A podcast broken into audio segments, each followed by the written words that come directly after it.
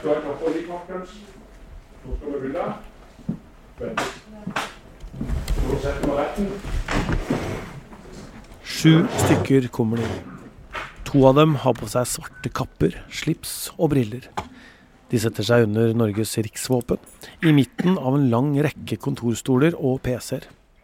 På hver side av dem har fem personer i vanlige klær funnet sine seter. Klokka er ni på morgenen. Det er disse som skal vurdere skjebnen til Jonny Vassbakk. Det er dag én av ankesaken mot ham som mener han ikke er skyldig i å ha drept Birgitte Tengs i 1995. Håret til Jonny Vassbakk har vokst ut siden saken gikk i tingretten. Det er grått. Han har på seg en mørk gråblå genser. Han sitter med ryggen til journalistene bakerst i salen.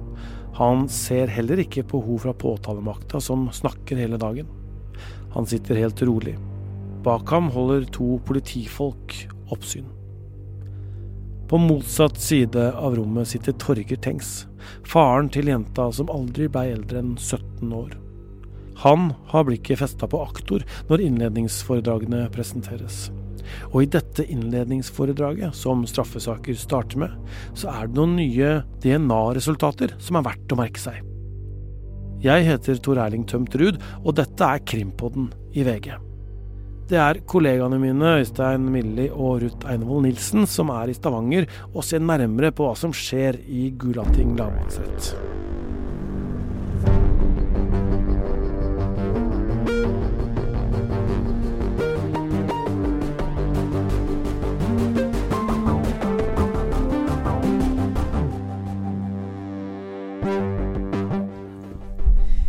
Ok, Øystein, da har vi funnet oss et relativt eh, stille rom her på tinghuset i Stavanger. Og vi kan jo kanskje si aller først at eh, når vi spiller inn denne episoden, så er klokka to. Det vil si at det er én time igjen av rettsdagen, bare sånn at det er premisset for, for det som blir sagt. Og ut fra vinduet her så har vi jo utsikt til den eh, byen og den trehusbebyggelsen som, som denne byen er, er prega av.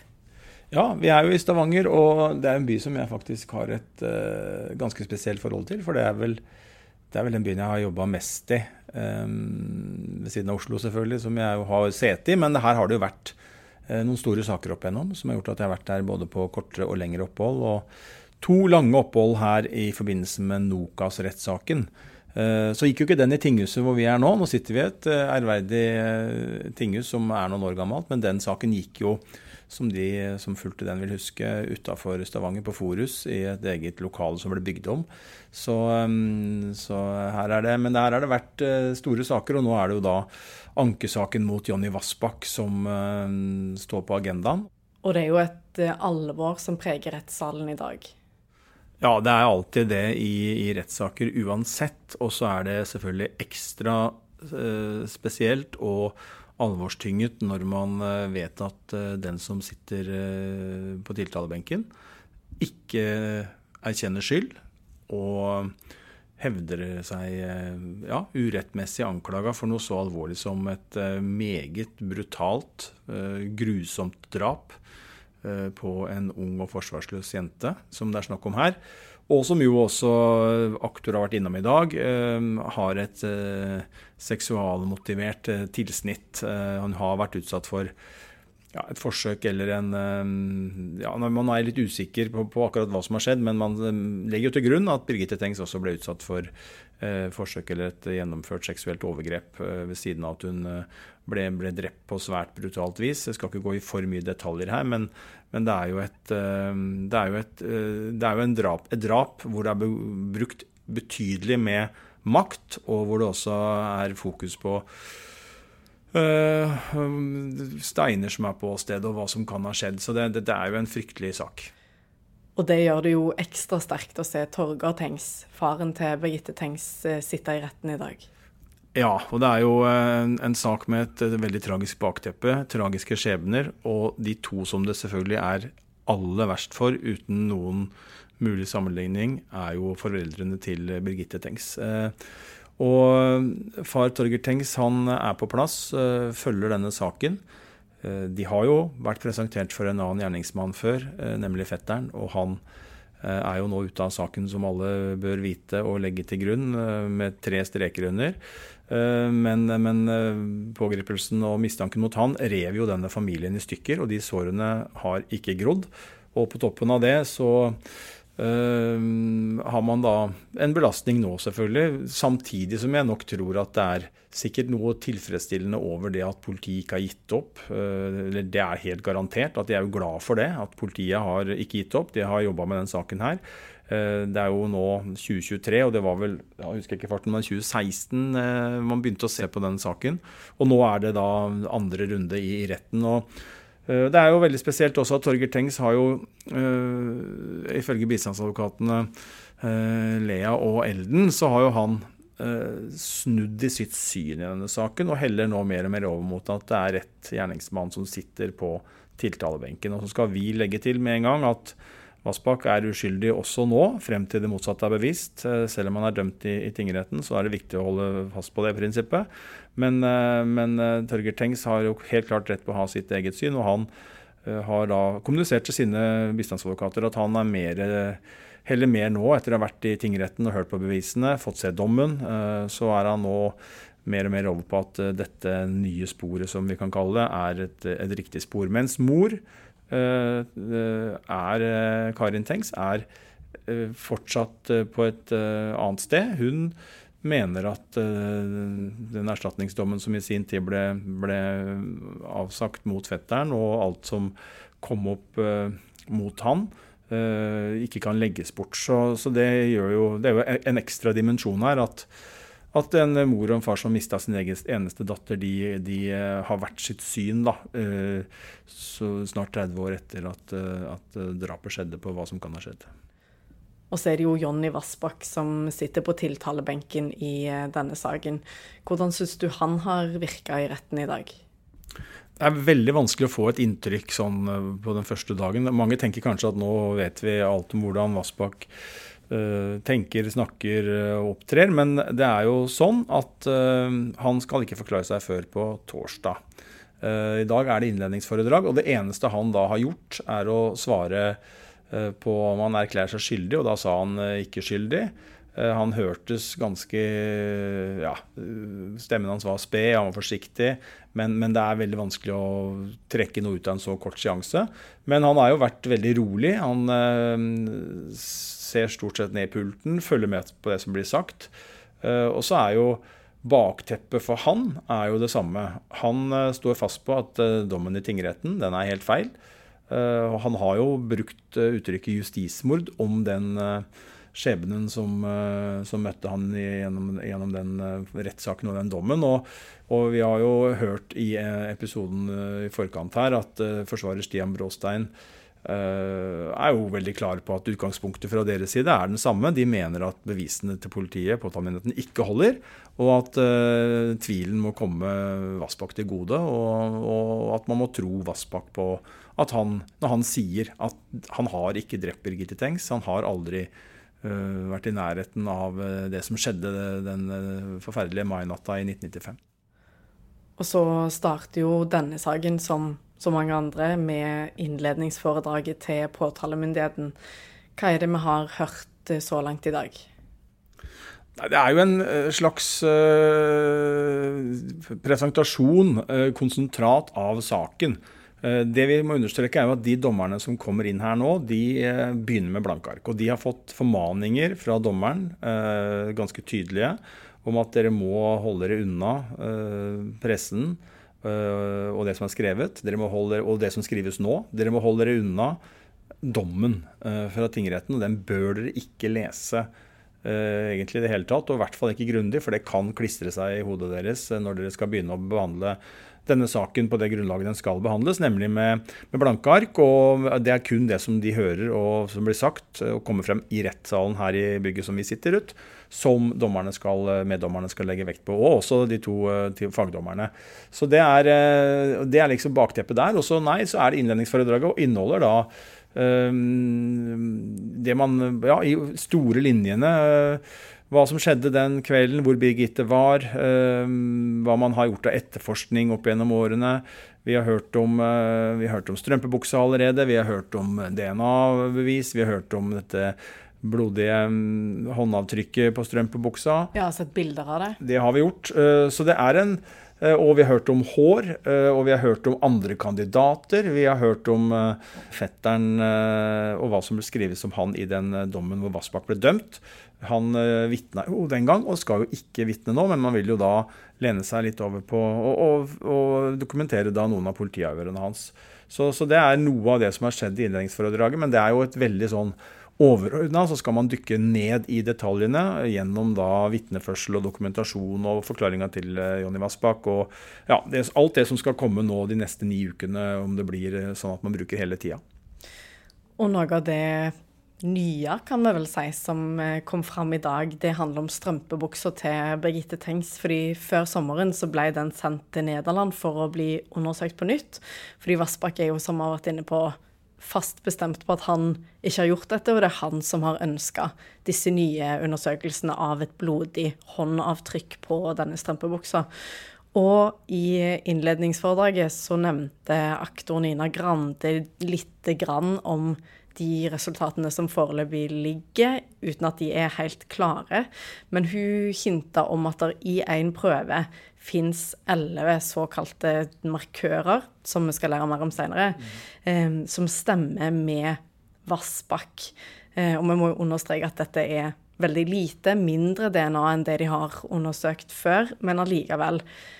Hvordan ser du på det som virker som nye funn av DNA-et til, til Vassbakk, og kan det sette saken i et annet lys? Ja, Det er i hvert fall uh, helt innledningsvis vanskelig å se for seg at det er en veldig god nyhet for Vassbakk. Uh, og så skal det sies at dette er som du sier et veldig begrensa funn, og vi får se etter hvert. Det, det, kommer en rapport, en endelig rapport uh, i god tid før man skal ha DNA på bordet i, i retten her. Uh, men, eh, men, det er klart at eh, det at man da har funnet et, et, noe som påtalemyndigheten per nå i hvert fall mener er et, kall det et nytt bevis, eller altså en, et nytt funn som knytter seg til DNA, og som peker mot Vassbakk da eh, ikke som en sånn voldsom tyngde, men med en viss tyngde. Og så vil sikkert forsvarerne og, og, aktoratet være uenige om hva vi skal lese ut av det. Det, det er jo klart at det det, jeg tror ikke det var det man eh, ønska seg mest fra forsvarersida, dersom man kunne velge å få noe nytt inn i, inn i denne saken. Uh, og så får jo forsvarerne nå da helt sikkert kommer til å angripe det og si at uh, altså De er vel allerede skeptiske og har sagt det til og kommer til å utdype det i morgen, tipper jeg. At de er skeptiske til at man uh, begynner å vise til så små funn, og som ligger under grenser osv. Så, videre. så Så det blir med dette nye funnet som med det andre DNA-materialet og saken for øvrig. Eh, strid om alle temaer og strid om mange påstander og hva man kan trekke ut av de ulike Eh, både først og fremst av, av DNA-spor og tekniske undersøkelser, men også i forhold til andre ting som vi vet at det er strid om her. Så dette kommer til å bli en sak hvor påstand står mot påstand, og hvor eh, det blir eh, diskusjoner og argumentasjon helt inn, og hvor retten igjen må sitte med to ulike versjoner, to ulike utgangspunkt, og så må retten gjøre den vanskelige jobben der og finne ut av hva man skal tro på, og, og falle ned på en avgjørelse som da ja, er i tråd med det man blir overbevist om til slutt. Mm.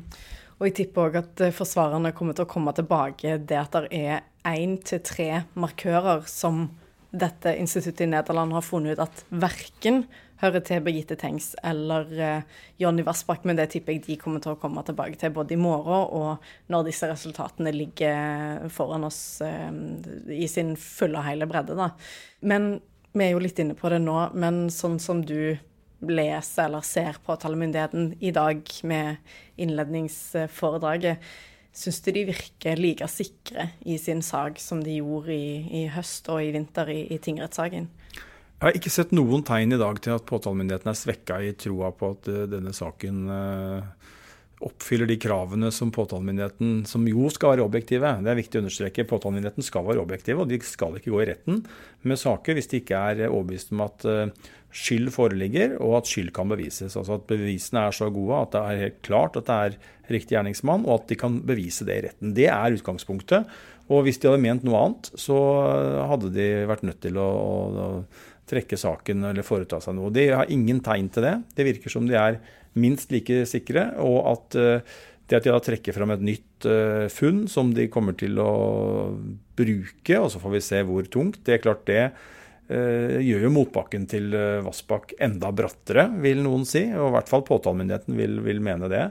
og så er det, som du sier, Ruth, noen, da, noen sånne fremmedlegemer her i form av noen ukjente funn. og så de, slår jo de ut på mye i mindre grad. Så jeg vil jo tro at her på DNA og i forhold til det vi snakker om nå, så vil jo vitnemåla til eh, ekspertene vil eh, være det som retten kommer til å være mest opptatt av. Jeg tror ikke de er så opptatt av hva forsvarerne sier eh, og, og påtalemyndigheten sier. sånn. De hører jo på dem, og de legger jo det inn i potten. Men jeg tror når du sitter og skal avgjøre dette her, så er det én ting du ønsker å høre Noen du vil høre mer fra enn andre, og jeg tror de du vil høre aller mest fra, det er de ekspertene som kommer. Og det kommer til å avhenge veldig av hva de sier, og hvordan de beskriver disse funnene og vekter det som ligger i potten her. Um, og så er det jo ja, forsvarernes jobb å, trekke inn en tvil her, og det er også viktig å si at dette DNA-beviset, selv om man skal tenke at jo, det er veldig sannsynlig at det er Vassbakk, det er kanskje enda mer enn veldig sannsynlig, det er, det er veldig, veldig sannsynlig, så er det fortsatt sånn at uh, tvilen skal komme tiltalte til det gode. og uh, han skal dømmes, så skal det jo være utenfor enhver rimelig og fornuftig tvil. og Det betyr at du kan godt mene at dette DNA-beviset holder. Uh, og du kan mene det ganske langt oppover på en skala. Hvis vi tenker oss en skala som går til 100% så kan du mene det ganske langt oppover Eh, og Hvis du tar DNA-bevisene og de øvrige bevisene og tenker på Vassbakks skyld og ikke skyld, så kan du godt som dommer mene ganske langt opp på den eh, opp mot 100 eh, men likevel så er du egentlig, eller ikke egentlig, du er plikta til å frifinne fordi at du skal legge vekt på den fornuftige tvilen. Så, så for å være sikker på å domfelle Vassbakk, så mener jeg så er det ikke noe sånt at det er ikke prosentregning, men for å illustrere det for lytterne, da, så tenker jeg at man må, eh, man må liksom godt over 95% opp mot 100 eh, og så er det ikke sånn at man kan være 100% sikker, og man snakker om at du må som dommer utelukke den eh, du må, du må, ha den fornuftige tvilen, og du må ikke konstruere tvil osv. Dette er jo ting som disse dommerne da, får med seg innprenta inn når de skal trekke seg tilbake igjen. Men, men, det er jo et viktig Det er ikke en sånn 50-50-avgjørelse her. At du sitter i retten og så skal du på en måte vippe om Vassbakk er 51 eh, sannsynligvis skyldig eller motsatt? Det er ikke det diskusjonen går på. Det er veldig viktig å få med, fordi at, fordi at det gjør at uh, sjansen for en frifinnelse er jo selvfølgelig generelt mye større da i en sånn situasjon, eller om det skulle vært en sånn 50-50-vurdering. Denne uka har vi en episode fra rettssaken mot Jonny Vassbakk hver dag. Har du spørsmål til oss om saken, så skriv til oss på Instagram eller Facebook. Bare søk opp Krimpodden der, eller send oss en mail på krimpodden at vg.no. Så skal vi se om vi også kan få svart på noen av disse spørsmålene i en av episodene. Det er Ruth Einevold Nilsen og Øystein Milli som følger saken i Stavanger. Redaksjonen vår består også av Hanna Espevik, produsent Vilde Worren, nyhetssjef Emilie Hall Torp, og jeg heter Tor Erling Tømterud.